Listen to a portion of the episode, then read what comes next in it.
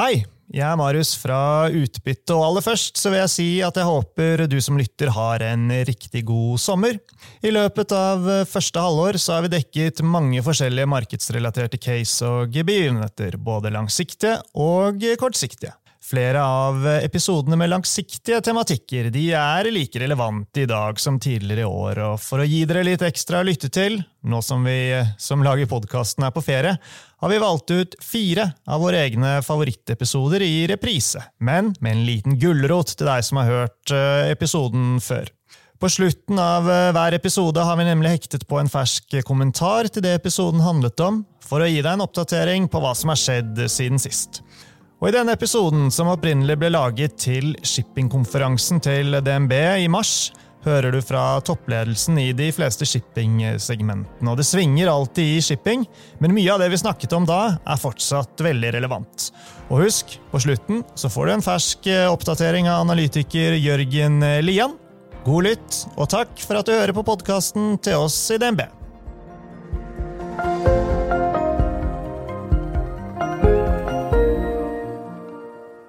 Velkommen til eh, Utbytte, DNB-podkasten der vi forklarer hva som skjer innen global økonomien og finansmarkedene. Jeg er Marius Brunhaugen, og med meg i studio har jeg shippinganalytiker Jørgen Lian fra DNB Markets. Hei, Jørgen. Hei, Marius. Ja, Det var en gøy shippingkonferanse i år. Vi får slå fast det. Ja, jeg syns eh, det var veldig bra. Bra oppmøte og, og mye optimisme generelt. Mm -hmm. Vi fikk eh, Anders Onarheim fra BVLPG, Magnus Halvorsen fra 2020 Bulkers, Øystein Kalleklev fra Flex LNG, Lars Barstad fra Frontline og Lasse Christoffersen fra Valenius eh, Wilhelmsen innom studio på konferansen. Og alle fikk de tre samme spørsmålene fra oss, og så var vi veldig nøye da, på at de skulle svare kort og konsist, og, og det gjorde de. Spørsmålene det var uh, hvordan påvirker uh, makrobakteppet, altså med høy inflasjon, stigende rente, krig i Europa og energiskvis, kombinert med en stadig mer krevende stormaktspolitikk og deglobalisering og det grønne skiftet. Hvordan påvirker dette de langsiktige strategiske beslutningene for uh, selskapet? Spørsmål to var, var, hva er kortsiktige triggere for din sektor, og at ratene skal gå til eller holde seg på solide nivåer fremover? Og det tredje spørsmålet var hvorfor skal investorene eie aksjer i ditt selskap? Altså en regelrett eh, pitch. Og nå tenkte jeg Jørgen, at vi skal eh, høre igjennom eh, hva de sa, sektor for sektor. Og så starter vi med Anders Onarheim, som er CEO i BVLPG. Eh, nå var det et betydelig energibehov globalt, selv før krigen brøt ut.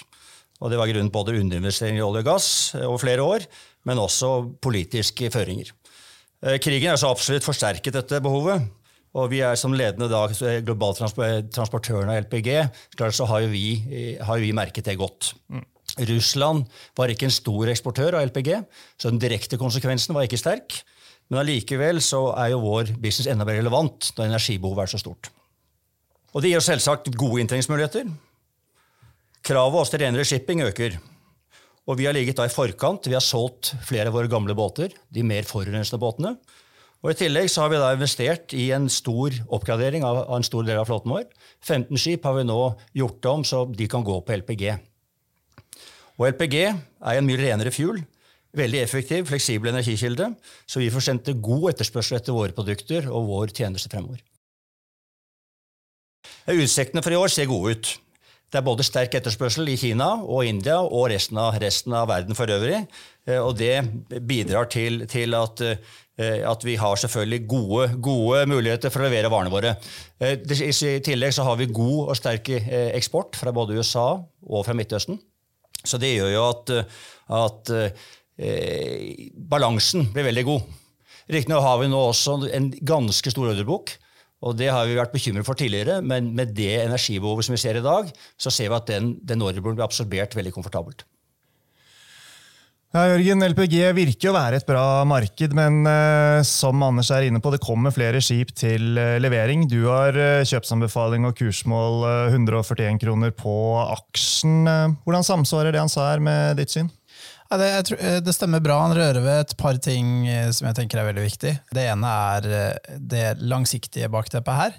Generelt mye etterspørsel etter energi, og renere energi. og Der gjør jo LPG definitivt sitt inntog og, som er viktig alternativ til eksempelvis kull eller torvbrenning, da, som man gjør i veldig mye utviklingsland i dag.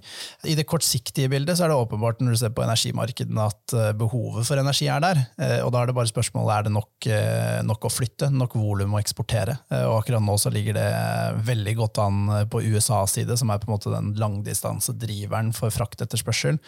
Og de to tingene sammen gjør jo at eh, det skal flyttes mye volum, og etter vårt syn nok til å kompensere veldig mye i hvert fall av den ordreboken. Og så er sånn Når vi ser på aksjene, så blir jo på en måte spørsmålet hva er prisen i aksjene.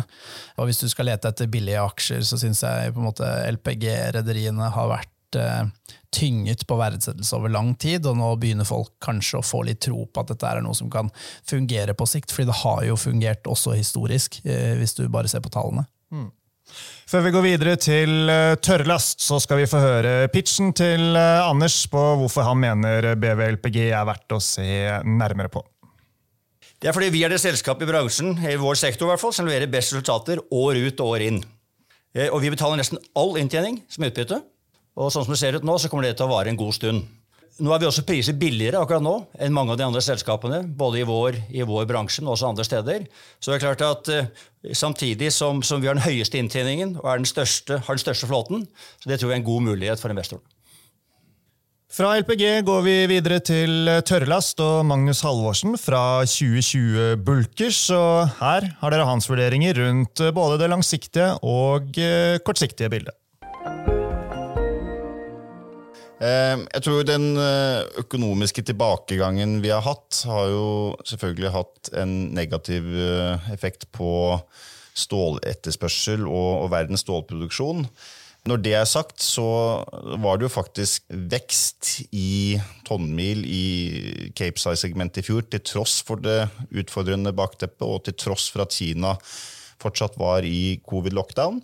Det er jo andre ting som skjer. Det er vanskelig å ikke snakke om energikrisen. Det har kanskje en positiv effekt. Vi ser at det har vært en oppsving i eh, investeringer i nye kullkraftverk i Kina, som egentlig betyr at, eh, at man kommer til å se god etterspørsel der i, i årene fremover. Det er jo mye snakk om deglobalisering om dagen tror jeg kommer til å ha en liten effekt i vårt marked. og Det har å gjøre med at råvarene produseres der de produseres, og de brukes et annet sted. Du kan ikke flytte gruvene. Så jeg ser liten endring i handelsmønstrene. Ehm, jeg tror For vår del så var hele ideen med selskapet da det ble startet, å ha en robust struktur som tåler eh, de utfordrende tidene som kommer i et skips 20 års levealder. Og, og, Sånn sett så har vi vel ikke endret noe på, på strategien. Det vi gjør, til enhver tid uansett, er å prøve å optimalisere porteføljen vår med tanke på fast kontraktsdekning og eh, åpen eh, eksponering mot markedet. Svare på det på, på, to måter. Det ene er det er en alltid lavsesong i Capesize-markedet eh, i første kvartal. Det har å gjøre med at det er vått i Brasil, og man klarer ikke å eksportere de samme volumene. Så jeg kan nesten si uansett hvor du er i sykelen, så Eh, så skraper man stort sett bunnen i markedet i, i mars-april. Det, det, ser det ut til at vi har gjort i år også. Vi var vel nede i rundt 2500 Cape Size-rater, nå er de 12. Og ser man på FFA-markedet, eh, altså fremtidskontraktene på frakt, så, så, peker de på at markedet skal ganske kraftig opp eh, mot utgangen av året. I tillegg til disse normale sesongmønstrene, så, så har man jo nå Kina som, som var i full lockdown egentlig frem til nyttår som nå etter kinesisk nyttår eh, er i ferd med å starte maskineriet ordentlig. Vi så en kraftig vekst, tallene som kom her i, i går, på jernmalmimport og kullimport inn til Kina. Eh, så vi tror både sesongmessig og syklisk at dette er i gang. Og det litt lengre bildet er jo eh, som vanskelig å komme utenom, at ordreboken i Tøllast akkurat nå er det laveste den har vært noen gang. og Det gjør at det kanskje kan være grunn til å være optimistisk noen år frem. Ja, Tørrlast har jo denne X-faktoren at uh, Kina holder på å åpne igjen. da, Jørgen. Du har kjøpt på 2020-aksjen, du og kursmål 161. Hva tenker du rundt kommentarene til Magnus her? Veldig mye prat om Kina, naturligvis. Altså, det blir jo litt, uh, litt altavgjørende, særlig med tanke på deres skipsprofil og de, de større Cape Size Newcast Max-segmentet. Og vi er enig i det. at eh, Det tyder jo på at ting går riktig vei. Hvis du ser på alle indikatorer for faktisk, altså fysisk etterspørsel etter og produksjon av stål, eh, så, så ser det ut til at ting beveger seg i riktig retning, og jeg tror nok det skal være en pågående utvikling gjennom året. Men så er det dessverre sånn, synet vårt i bulk er jo, det, det er jo litt eh, det er drevet av to ting. du kan si Det er Kina som er mesteparten, og så er eh, resten av verden som er resten. Eh, og Det er sånn ca. 50-50, og det viser hvor viktig Kina er. Men det er klart resten av verden har trukket seg litt tilbake i etterkant av en veldig bra recovery i etterkant av pandemien. Så når vi endelig begynte å se Kina komme tilbake, så var det dessverre sånn at resten av verden stagnerte litt. Så vi venter fortsatt på en periode hvor begge to vokser i synk. Og når du kommer dit, så er det siste poenget til Magnus at ordreboken er jo ikke der. Eh, så det kan bli en fantastisk sykkel som, som varer. Mm. Før vi går videre til LNG gassfrakt, skal vi få høre pitchen til Magnus på hvorfor han mener 2020 er verdt å se nærmere på for eh, investorene. Eh, vi er i et marked hvor ordreboken er den laveste den har vært noen gang. og Etterspørselen har stort sett aldri vært problem i dette markedet, hvis man ser over tid. Så vi er relativt optimistiske på markedet. Vi har en moderne flåte som vi har vist genererer god kontantstrøm, som vi betaler ut til aksjonærene. Eh, og vi har jo også vist at vi har en cash break-even og eh, en eh, struktur på hvordan vi slutter båtene, hvor vi, hvor vi, klarer å håndtere risiko så langt. og Det er selvfølgelig ingen garanti for at vi klarer det fremover, men så langt så har vi ikke tapt penger et eneste kvartal siden vi fikk første båt på vannet. Vi har betalt tilbake 78% av pengene som er skutt inn i selskapet tilbake til aksjonærene. Eh, og eh, hvis man ser på, FFA-kurven, hvordan den ser ut nå fremover, så burde vi kunne betale gode utbytter eh, utover året. Ja, Fra tørrlast skal vi gå videre til gassfrakt og Øystein Kalleklev fra Flex LNG. Og her har dere hans vurderinger rundt både det langsiktige og kortsiktige. Den hoveddriveren for LNG i dag er jo bortfallet av russisk gass, som har vært den største kilden av eh, naturgassimport i Europa. Og den gassen må i dag erstattes med LNG. og Europa har kjøpt LNG med begge hender eh, den siste tiden, og de vil fortsette å gjøre det, for det er mangel på gass. Eh, og det kommer til å være en positiv driver for LNG både i dag, i morgen og i tiåret framover. Ja, Nå er jo vi 100 dekket på kontrakter for 23. Det første fulle åpne skipene vi har, er i 2027. Så vi er jo godt dekket med en god kontraktsbacklog. Samtidig så går skipsprisene fortsatt videre opp. Nå er et LNG-nybygg på 255 millioner dollar.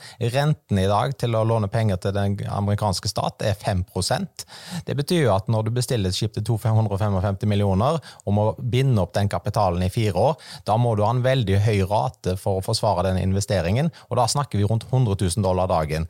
Vi har guidet 80 000 for eh, 23. Eh, så når vi rekontrakterer de skipene vi har, så forventer vi at vi skal gjøre det på enda bedre rater i framtiden. Jørgen, hvordan eh, samsvarer dette med eh, dine vurderinger om LNG-sektoren? Ja, det er eh, det store skiftet som har vært. Det er jo flyten av LNG eh, inn til Europa, i, stedet for Asia, kanskje, hvor folk flest trodde det skulle ende. Eh, og det har noen effekter på shipping, det. det er nemlig at seilingsdistansen er mye kortere. Så når, når, Øystein snakker om LNG, så er jeg enig i det, for så vidt. Etterspørselen etter LNG kommer til å være høy, og det betyr en høyere global prising av LNG, tror jeg. Og da er det klart at det hjelper på villigheten til å betale for frakt, med forutsetning av at eh, prisen på gassen i enden den kommer fra, med andre ord i USA, eh, holder seg lav. Og da er det mer å betale for å frakte ting også. Eh, men man må ikke, må ikke glemme det at så lenge tilfellet er at mer gass skal korteste vei inn til Europa, så er ikke det bare positivt eh, med tanke på den underliggende flåtebalansen, altså markedsbalansen i LNG-shipping. Så her er det også et litt sånn todelt bilde. Det er en del ting som kan forsvare at man skal være veldig positiv på sikt. Nummer én det, det Øystein snakker om, at langsiktig, altså likevektsraten for et LNG-skip i dag på dagens prising er mye mye høyere enn der den har vært historisk, som er bra i forhold til å kontra, altså få kontrakt på skipene sine. Men på den annen side, særlig hvis du da har eldre skip som også lider veldig på høyere energipriser, eh, så, så, så ser ikke den underliggende balansen så stram ut. Men det igjen kan jo være en grunn til at man skal være positiv til de selskapene med moderne flåte. Der inngår jo Flex LNG som en av dem. Mm. Og du har en holdanbefaling på Flex LNG-aksjen og kursmål 370. Og før vi går videre til tankshipping, så skal vi høre pitchen til Øystein på hvorfor han mener Flex LNG er en aksje man bør ha på radaren. Nei, altså Som vi har sagt i Flex, så er jo dette et selskap for de som liker å sove godt om natta. Vi betaler et veldig attraktivt utbytte. I fjor betalte vi 3,75 dollar i kvartalsvis eh, utbytte for året totalt sett. Aksjen er rundt 35 dollar i dag, dvs. Si rundt 11% direkte avkastning, som er mye bedre enn det du får i banken. Og, og med den kontraktsbacklocken vi har, så skal vi fortsette å betale saftige utbytter i tiden framover også. Fra LNG skal vi over til noe som er eh, relativt eh, hot, får vi si, eh, om tiden. Det er nemlig tank, og vi skal høre fra Lars Barstad i Frontline. Her er hans vurderinger. Nei, det som er faktum for tank og, og, og vår bransje, er jo at vi har flere bevegelige deler som, eh, som, eh, eller flere markedsutviklinger da, som vi må følge med på. Nummer én er selvfølgelig at det er en uh, høye energipriser, global, potensielt global resesjon, liksom, vanskelige vekstvilkår i enkelte økonomier. Samtidig så er vi fortsatt i en det vi kaller en sånn recovery-fase på godt norsk etter covid, spesielt i Asia. Og så har vi den situasjonen som har kommet rundt eh, krigen i Ukraina, eller Russlands invasjon av eh, Ukraina. Så det er mange bevegelige deler her, for å si det sånn. Men det som er liksom det over på en måte lange bildet, da, det er at uh, i tank så har det vært en underinvestering over lang tid.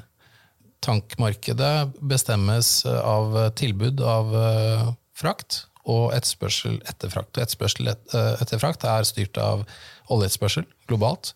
Oljeetterspørselen har en tendens til å vokse med befolkningsveksten. Kanskje litt mer enn befolkningsveksten pga. velstandsvekst. Og der har du da, spesielt i Kina og India, eh, så påvirker dette ganske mye folkerike nasjoner.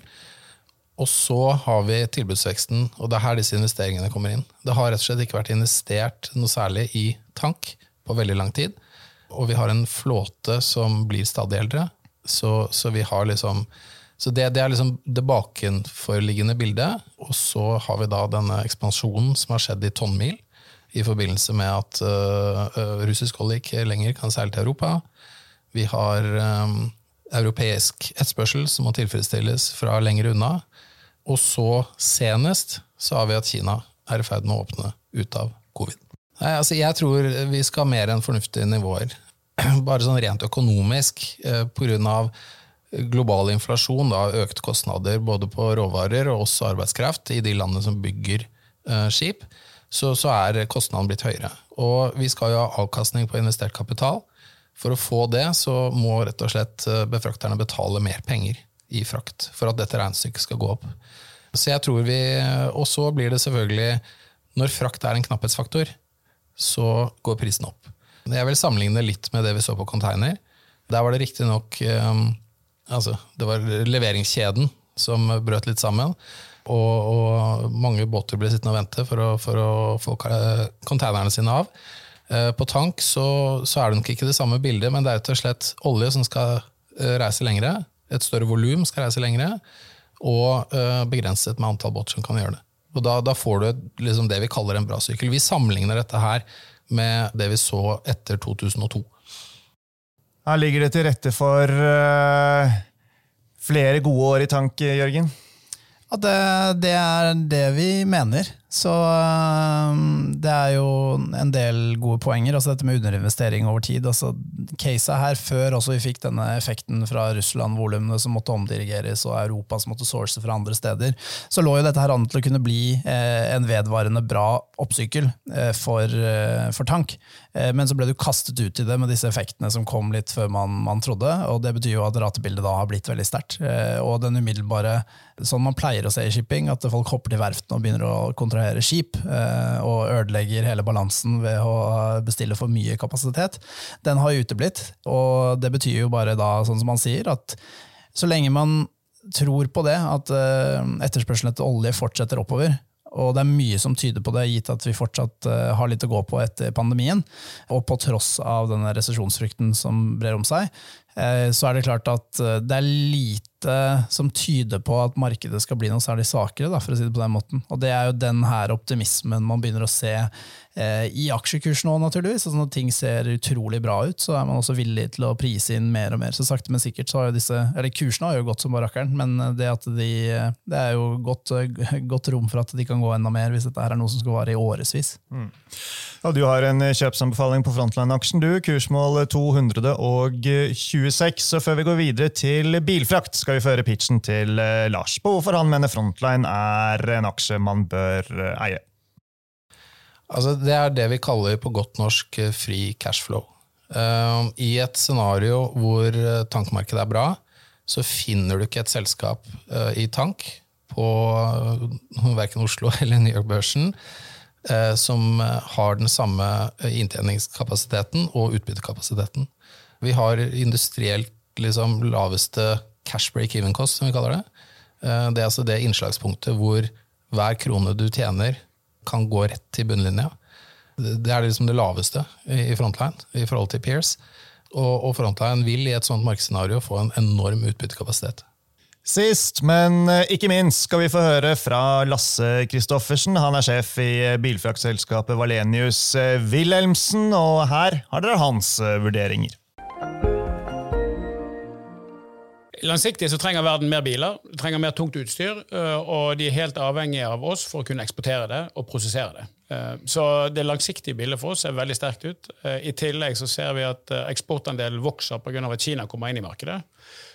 Så for en logistikk- og shippingaktør som oss, så forventer vi betydelig vekst i volumer over de neste årene.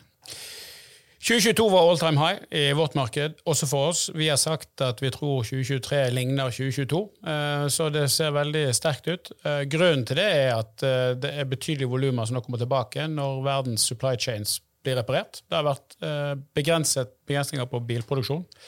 Så vi ser at uh, volumene er sterke. Det er begrenset uh, med ny kapasitet som kommer inn. Uh, og da er det enkel utilization. Ratene holder seg bra.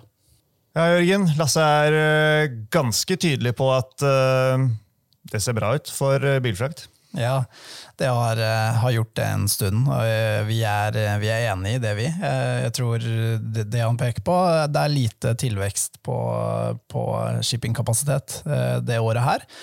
Og så må du ikke glemme det at man jevnt over repriser disse her fraktkontraktene som kanskje ble inngått for to-tre år siden, gjennom de nærmeste årene. Så det betyr jo at du skal ha et bra earningsmomentum her, i et, altså et selskap som allerede gjør det, gjør det utrolig bra. Så eneste skremselen her er en stor ordrebok som begynner å komme etter hvert. Det er jo sånn Når du tjener mye penger, så havner pengene et sted, og de havner fort hos verftene.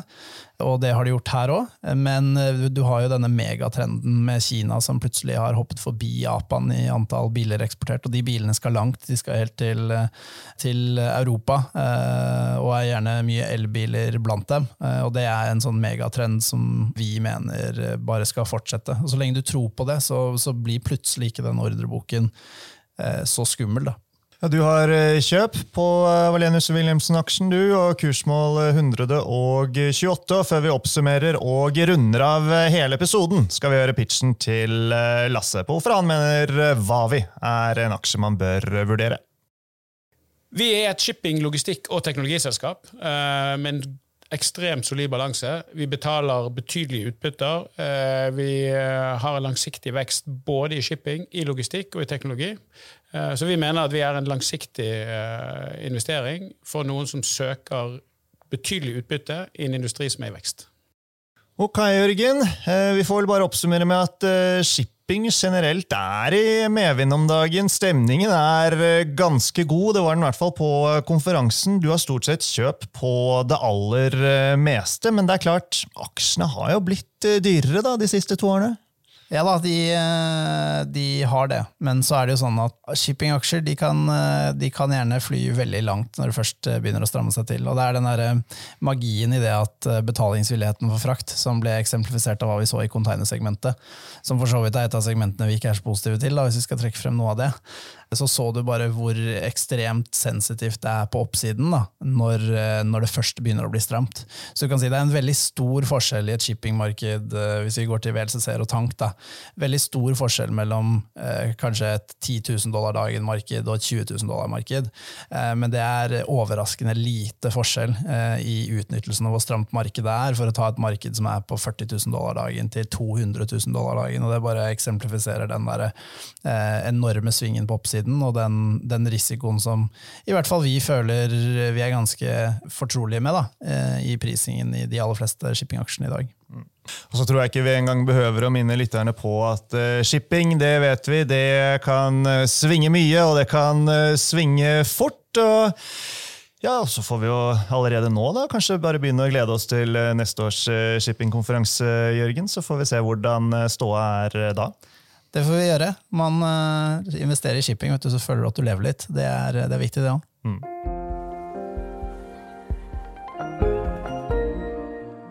Ja, kjære lyttere, det dere hørte nå, ble altså tatt opp under shippingkonferansen til DNB i mars. Men det dere hører fra nå og ut episoden, det er spilt inn i slutten av juni og er ment som en liten ekstra oppdatering. Og jeg sitter her med ingen ringere enn Jørgen Lian, som akkurat er tilbake fra shippingkonferansen Marine Money i New York. Og spørsmålet er da, Jørgen, Står bildet som vi tegnet av de ulike shippingsegmentene i mars seg like bra fremdeles? Til en viss grad, kan vi si. Eh, jeg tror ikke det langsiktige bildet for, eh, for noen, altså for mange av segmentene, egentlig, er, det samme. Eh, men så har det hendt litt småtteri underveis som har gjort at kursen har beveget seg, og særlig det overordnede makrobildet har vært litt skummelt, tror jeg. Det er naturlig at shipping som sektor da er litt marginalisert og havner i unåde. og Det gjør jo at aksjene har solgt av litt. og Inngangen er derfor kanskje bedre, sånn sett, med tanke på det, den lange historien. Men eh, det har vært litt motvind og, eh, og sånt nå de, de, siste par månedene, i hvert fall om du ser på de fleste aksjekursene. Ja, så, så vi, vi, snakket jo mye om denne supply-siden, altså flåtevekstutsiktene flåtevekst, utsiktene for tørrbulk og for tank. Og de er de samme fortsatt, det har ikke skjedd noe der. Så langsiktig tror vi at det kommer til å bli bra, men så har du hatt et par ting som har vært motvind. På tank så har du hatt OPEC-kutt, som ikke er bra. Mindre volum betyr mindre behov for skip, og det er ikke noe hyggelig, det. Samtidig så er det sesongmessig svekkelse inn mot sommeren, vanligvis. Tilsvarende så har vi sett eh, noen negative datapunkter eh, ut av Kina eh, og aktivitetsnivået der, som ikke har vært like sterkt som det man kunne håpe for. Men igjen, da, jeg liker å fremheve det at Kina så langt i år har egentlig vært relativt bra hva gjelder importvolumer, så det er ikke det som har vært det største problemet. Det største problemet er igjen dette makrospøkelset som henger over oss og gjør at altså byggesektoren globalt og ståletterspørselen globalt, og dermed produksjonen av stål, er ned. Og det betyr mindre etterspørsel etter bulkskip. Så det er det vi venter på at skal bedre seg, men det langsiktige bakteppet som sagt, veldig bra. Mm. Så hva gjelder, eh, hva gjelder, bil, og jeg tror vi nevnte bil og eh, LPG, LPG eh, som to sektorer som så veldig bra ut, eh, og der er bildet også uendret. Jeg snakket med en del i sektoren. Eh, på bilsiden eh, så er det noen gode datapunkter fortsatt. Inntjeningen fortsetter å være veldig bra, eh, selv om noen av aksjene har vært litt ut av favor. Så det ser vi fortsatt som bra, men du må tro på den kinesiske elbileksportstoryen. Tilsvarende på LPG så har ratene vært altså, hinsides bra, egentlig, enn så lenge. Så den store ordreboken som skulle ødelegge markedet i år, det har definitivt ikke skjedd. Men nå er det vel utsiktene heller fremover som er, spørsmålet, og jeg tror ut året i år kan se bra ut, men utover det så er det for så vidt ikke så veldig mange leveranser av skip igjen. Men det begynner å bli spørsmål hvorvidt aktivitetsnivået i USA er tilstrekkelig for å spy ut nok volum i det lange bildet. Da. Men sånne ting er i dag. Eh, massiv inntjening eh, og cashflow som tilfaller aksjonærene. Ja, og Mye er eh, bra. Summen av alt dette her gjør det at du ser noe større interesse hos enda flere investorer enn eh, det vi har vært vitne til eh, de siste årene. Ja, Det burde jo vært det. Og jeg tror det er det frister i minnet hos veldig mange investorer. Eh, så det er det positive. Men igjen, som jeg sa, jeg tror hvis du snakker med store forvaltere rundt om i dag, med det usikre bildet generelt sett i markedet, så er den tiden man bruker på shipping kanskje ikke noe som blir prioritert. Eh, Så igjen, kanskje litt av grunnen til at en del av disse aksjene har svekket seg, er litt fordi du vil ha vekk høyt, volatil, høyt volatile aksjer, da, det er shipping, eh, i en tid som er litt urolig. Men i forhold til uh, om vi får en uh, ekstraordinær uh, shippingsykkel eller ikke, altså, ligger forholdene fortsatt til rette for at dette her kan være vare lenger og bli enda bedre enn det vi, som det normalt er? Ja, det er det vi syns er spennende, da, når du ser at eh, tilgangen på verftskapasitet begynner å bli strukket. eh, Inflasjon begynner å gjøre seg gjeldende, så prisen for å bestille nybygg blir dyrere. Det skyver jo opp prisen på eksisterende skip og verdien på dem. Eh, Og da skal markedet samsvare med det da, for å motivere noen nye ordre. Og så lenge de ordrene ikke kommer, så er det, det er som vi sagt, det er, det er forskjellig mellom sektorer. Containersektoren, LNG-sektoren. Der er ordreboken betydelig og kan bli en utfordring. Hvis du ser på de store segmentene i shipping, som da er tank og bulk, så er det jo eh, veldig lite ordre å snakke om. Eh, Og så lenge det ikke er da plass på verftene og prisene bare fortsettes å presse opp, eh, så er det veldig gode forutsetninger for en sykkel som skal vare og, strekke på seg, da, som gjør at vi er veldig positive til det. Nå er det jo uh, sommer og sol og uh, ferie for uh, mange av oss, men det er også Q2-rapportering etter hvert, og så kommer det jo litt sånn spredt, og mange av shippingselskapene kommer jo også mot slutten av rapporteringsperioden. Men hva kommer du til å se etter når selskapene legger fram tallene sine? Ja, nå åpner Stolt-Nielsen ball allerede neste uke, og så er det litt opphold før alle de andre kommer etter ferien. Eh, Jeg tror det, det, I shipping så er det stort sett god visibilitet på inneværende kvartal. Eh, Så Q2 burde ikke være av de aller største overraskelsene, tenker jeg, men det man ser etter, er hvordan eh, tiden etter inntjeningen for Q2, da, eh, så, så langt vi er kommet inn i Q3, eh, utarter seg. Det har vært en del volatilitet i markedene som gjør det litt vanskeligere å å vite akkurat hvor inntjeningen skal ligge. Eh, Har rederiene klart å kapre toppen av, disse spikene på ratebildet som har vært, bl.a. i VLCC-markedet, som var veldig sterkt forrige uke. Og det, det gjør jo at det blir litt mer å følge med på for hvordan de guider i, i tiden fremover. Ellers er det vel bare uh, uhyggelige overraskelser man er på jakt etter. Ja, Vi får håpe det ikke kommer for mange av uh, de. Men bra, da har vi i hvert fall fått gitt uh, dere lyttere en liten oppdatering, så da gjenstår det bare å si fortsatt god sommer, alle sammen, og takk for at du hører på Utbytte.